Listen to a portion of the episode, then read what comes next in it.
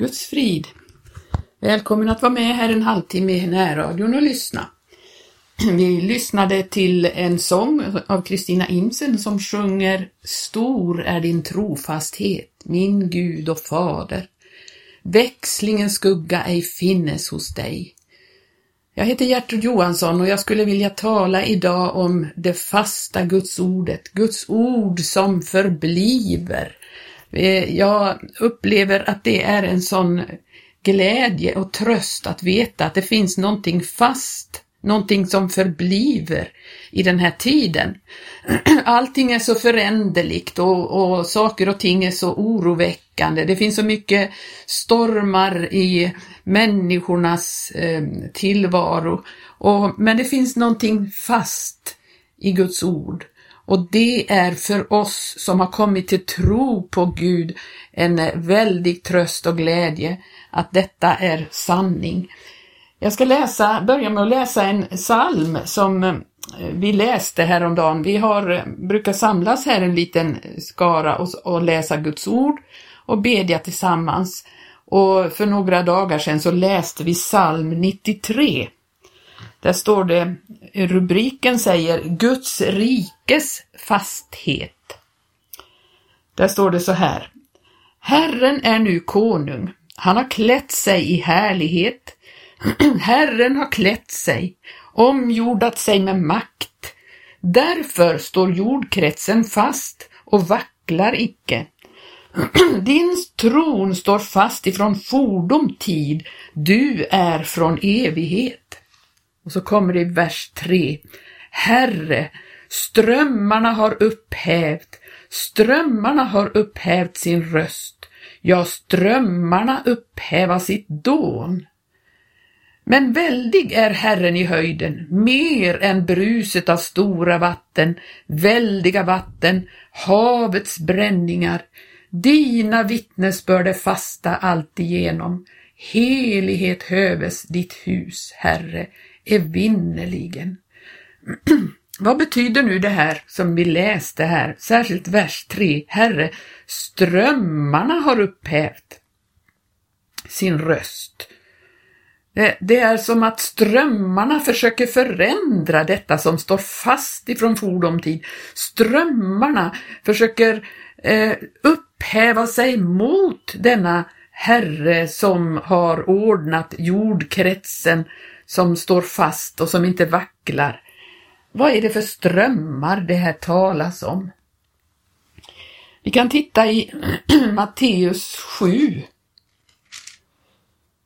Där står det ju så här, efter att Jesus har eh, undervisat om eh, eh människorna ur bergspredikan, som är mycket känd, denna förkunnelse, denna undervisning som lärjungarna fick ta emot. Och då säger han så här i vers 24 i Matteus 7. Därför, var och en som hör dessa mina ord och gör efter dem, han må liknas vid en förståndig man som byggde sitt hus på Hälleberget.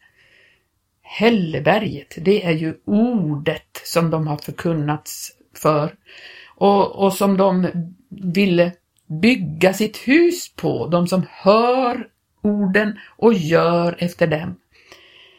Och så står det, och slagregn föll och vattenströmmarna kom och vindarna blåste och kastade sig mot det huset och likväl föll det icke omkull eftersom det var grundat på Hälleberget.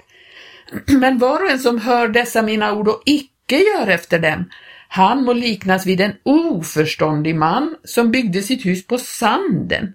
Och slagregn föll och vattenströmmarna kom och vindarna blåste och slog mot det huset och det föll omkull och dess fall var stort. Här ser vi igen vattenströmmarna angriper det som var byggt. Och här handlar det om då människor som inte byggde sitt hus på Hällberget utan byggde det på sanden. Sand är ju fragment utav samma material som berget.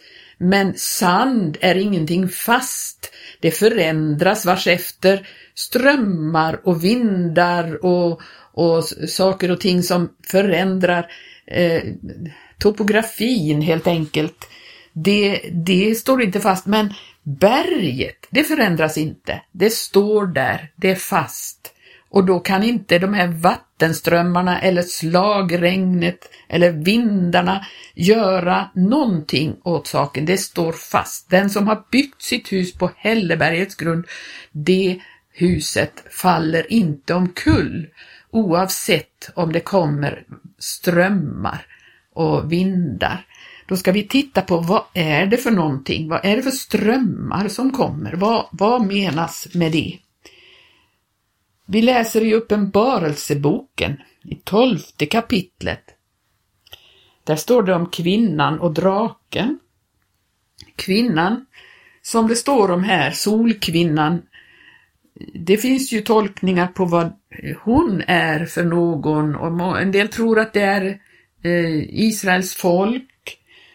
För min del tror jag att det är hela eh, Guds folk genom alla tider de som har hört honom till. Och så, så, så läser vi om draken. Och draken förstår vi ju är djävulen. Det är djävulen som är draken. Och eh, det står om en strid i himmelen och hur han blir nerkastad till jorden.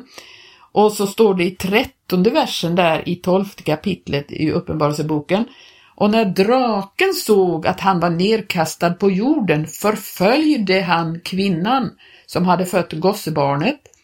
Men åt kvinnan gavs den stora örnens två vingar för att hon skulle flyga ut i öknen till den plats där hon skulle få sitt uppehälle under en tid och tider och en halv tid fjärran ifrån ormens åsyn. Då sprutade ormen ur sitt gap vatten efter kvinnan såsom en ström för att strömmen skulle bortföra henne. Men jorden kom kvinnan till hjälp, jorden öppnade sin mun och drack upp strömmen som draken hade sprutat ut ur sitt gap. Och draken vredgades än mer på kvinnan och gick åstad för att föra krig mot de övriga av hennes säd, mot dem som hålla Guds bud och hava Jesu vittnesbörd. Här ser vi att den här draken sprutade ur sitt gap vatten som en ström för att strömmen skulle borra henne. Och man tänker att det är Guds folk som utsätts för den här, eh, den här eh, angreppet, för meningen var att det skulle bortföra kvinnan, den här strömmen.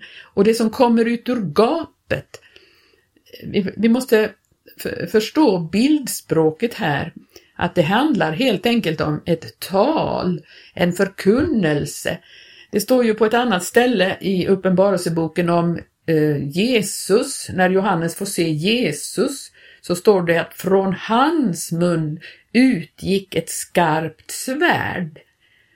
Och det är ju märkliga bilder för oss som eh, kanske tänker konkret, men om man då förstår att Guds ord är det skarpa svärdet. Guds ord är ju skarpare än något tvegat svärd, står det.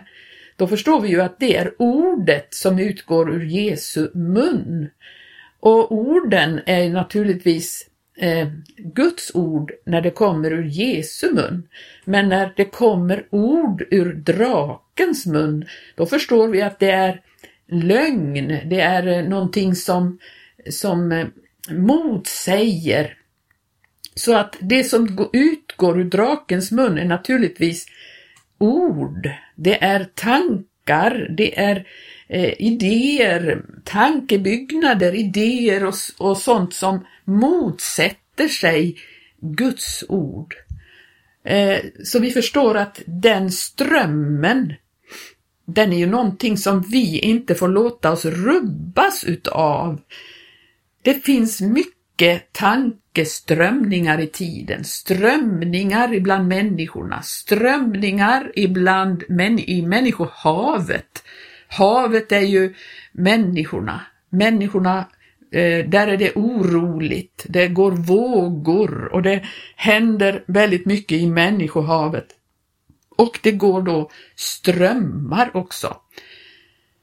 Eh, den som, det står ju att den som dricker av det vatten som Jesus ger ur hans innersta, innersta skall strömmar av levande vatten flyta fram. Då förstår vi att när han får ingång i våra hjärtan, då kommer därur en annan ström, en ström ifrån Jesus själv, där vi får vara redskap till att tala Guds ord till människorna. Strömmar av levande vatten flyter fram ur den som har tagit emot Jesus och druckit ur den källan. Må du och jag vara bland dem som hör, alltså som verkligen förkunnar Guds ord där vi går fram. Det är ord som inte förändras, det är ord som inte vacklar eller, eller på något sätt eh, förändras vars efter tiden går. I tiden är det ju tankeströmningar. Man tänker sig att det finns eh, så mycket som eh, vi är påverkade av också i vår tid. Naturligtvis är vi påverkade av den eh, utveckling som har varit ibland människorna. Eh, vi vet att det kom en tid på, ja det var väl 1700-talet, som det bör, man bör, brukar kalla för upplysningstiden. Och då var det väldiga tänkare som kom med idéer och tankar och vi kan många gånger tycka att eh, de var bra, de där idéerna och tankarna. Men det är ju eh, ändå tankar som inte kommer från Guds ord. Eh, där har vi då den här frihetsidealen och frihet från alla auktoriteter överhuvudtaget. Eh, och detta har ju påverkat alla människor sedan dess. Vi tänker väldigt mycket i de banorna fortfarande. och vi är påverkade av alla ismer och idéer, tankeströmningar som kommit under århundradenas lopp. Och där ska vi vara vaksamma. Är det här tankar som rimmar och, och, och eh, håller Eh, genom att prövas gentemot Guds ord. För Guds ord är den fasta klippan och vi måste lyssna på Guds ord och så måste vi nollställa oss så att vi inte tänker utifrån det, det eh, vad ska man säga, den kultursituation vi lever i idag, utan låta Guds ord i allt få forma vårt liv och bestämma var vi ska hålla oss hur vi ska förhålla oss till eh, idéerna, tankarna som kommer. Gud har ju gett oss förordningar i sitt ord som är goda. Han har inte tänkt något ont för oss utan allt vad han har förordnat och tänkt är för människans bästa. Det finns ramar, det finns gränser som inte vi ska överträda. Om vi ser noga i Guds ord vad som gäller så ser vi de här sakerna. Det är ju så att när ett, en, människor bygger ett hus så bygger man väggar och tak och det är ju ramar för människans boende. Innanför väggarna och taken ska hon bo och det är ju för att skydda sig mot allt som är där utanför. Och har man en trädgård så kanske man sätter upp ett staket och så släpper man ut sina barn och säger att nu håller ni er här innanför staketet. Och det är ju inte för att vara elak mot barnen utan det är för att skydda dem ifrån det som finns utanför staketet. Det är för att skydda dem ifrån den farliga trafiken eller kanske farliga sjöar, vattendrag, eh, olika ting som finns där utanför, vilddjur kanske, eller ja, ja, olika ting. Allt som man bygger ramar, det är ju för att skydda och för att bevara någonting. Så är det med Guds ord. Det finns eh, saker som inte ska gå utanför, därför att det är inte bra för oss.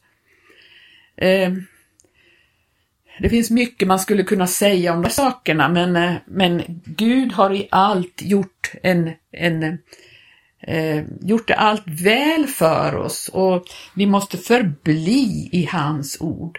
Det finns ju tankefunder som vi behöver ta till fånga, står det i Andra Korinthierbrevet 10 och, och eh, Andra Korinthierbrevet, tionde vers. Våra stridsvapen, står det i fjärde versen, Andra Korinthierbrevet 10. Inte av kötslig art, de är tvärtom så mäktiga inför Gud att de kan bryta ner fästen. Ja, vi bryter ner tankebyggnader och alla slags höga bålverk som uppreses mot kunskapen om Gud och vi tar alla slags tankefunder till fånga och lägger dem under Kristi lydnad. Vi måste lyda Guds ord, därför det är för vårt bästa att göra det. Eh, men jag har, vet inte om jag har läst eller, eller sagt det här i närradion förut, jag minns inte, men jag läste i en bok om eh, en, eh, en lärare som skulle ge en uppgift till sin elev, en pojke, och sa att nu ska du bearbeta det här trästycket efter den här linjalen. Linjalen är måttstocken som du ska använda för att det, detta ska formas så som jag vill att du ska forma det. Och så kom han tillbaka efter en stund och då fick han se hur pojken med all makt försökte bearbeta linjalen istället för, för det stycke som han skulle forma efter linjalen. Han tyckte det var lättare att få forma linjalen istället. Så att han med all makt försökte han förändra linjalens eh, eh form istället för att forma det trästycke som han skulle som han skulle forma. Precis så gör många människor med Guds ord. Man försöker förändra Guds ord istället för att förändra eh, sitt eget tänkande. Så försöker man förändra ordet efter, efter sitt tänkande eh, istället för att tvärsom, att ordet ska forma vårt tänkande. Det är typiskt människan att göra på det här sättet och det är egentligen precis samma som djävulen gjorde från början i syndafallet skulle väl Gud ha sagt. Och så vill man förändra eh, liksom det som Gud har stadgat som rätt i sitt ord. Nej, vi måste älska honom och då älskar vi hans ord och då vill vi formas av hans ord. Eh, för att om vi inte gör detta, då blir vi till ingen nytta. Vi blir ett salt som förlorar sin sälta. Vi blir eh, inget annat än, eh, duger inte till någonting annat än att trampas ner från, som det står i Lukas 14. Vi ska titta på det också, Lukas 14. Eh, och 34. Så är väl saltet en god sak, men om till och med saltet mister sin sälta, varmed ska man då återställa dess kraft?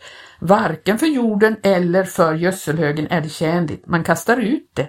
Den som har öron till att höra, han höre.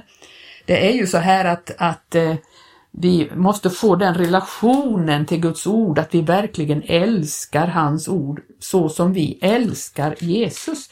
Det står ju om det, att, eh, att eh, vi, vi ska älska Jesus och då älskar vi hans ord. Så står det ju. I Johannes 8 så står det så här, eh, 31 och eh, 31 versen, då sade Jesus till de judar som hade satt tro till honom, om ni förblir i mitt ord så är ni i sanning mina lärjungar och ni ska då förstå sanningen och sanningen ska göra er fria. Sanningen. Vi ska förstå sanningen om vi förblir i hans ord. Och så ska vi titta i Johannes 14 också. Eh, där står det, fortsätter Jesus sitt tal om olika saker och ting, men i Johannes 14 så står det så här eh, i femtonde versen, älskar ni mig så håller ni mina bud. Och han lovar ju då en, eh, eh, den helige Andes hjälp till att göra detta. Tänk ändå eh, och, och, i 21 versen så står det så här, den som har mina bud och håller dem, han är den som älskar mig.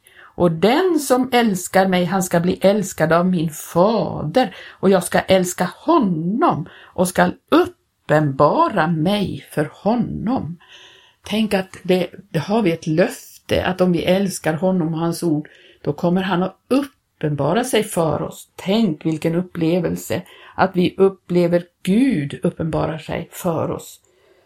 Eh, så säger han så här i eh, femtonde kapitlets fjärde vers så står det Förbliv i mig, så förblir och jag i er, så som grenen inte kan bära frukt av sig själv, utan allenast om den förblir i vinträdet så kan ni det ej heller om ni inte förblir i mig.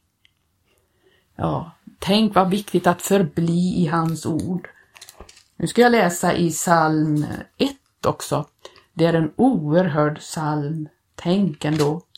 Det står så här, vi kan läsa hela psalm 1 för den är väldigt, väldigt viktig.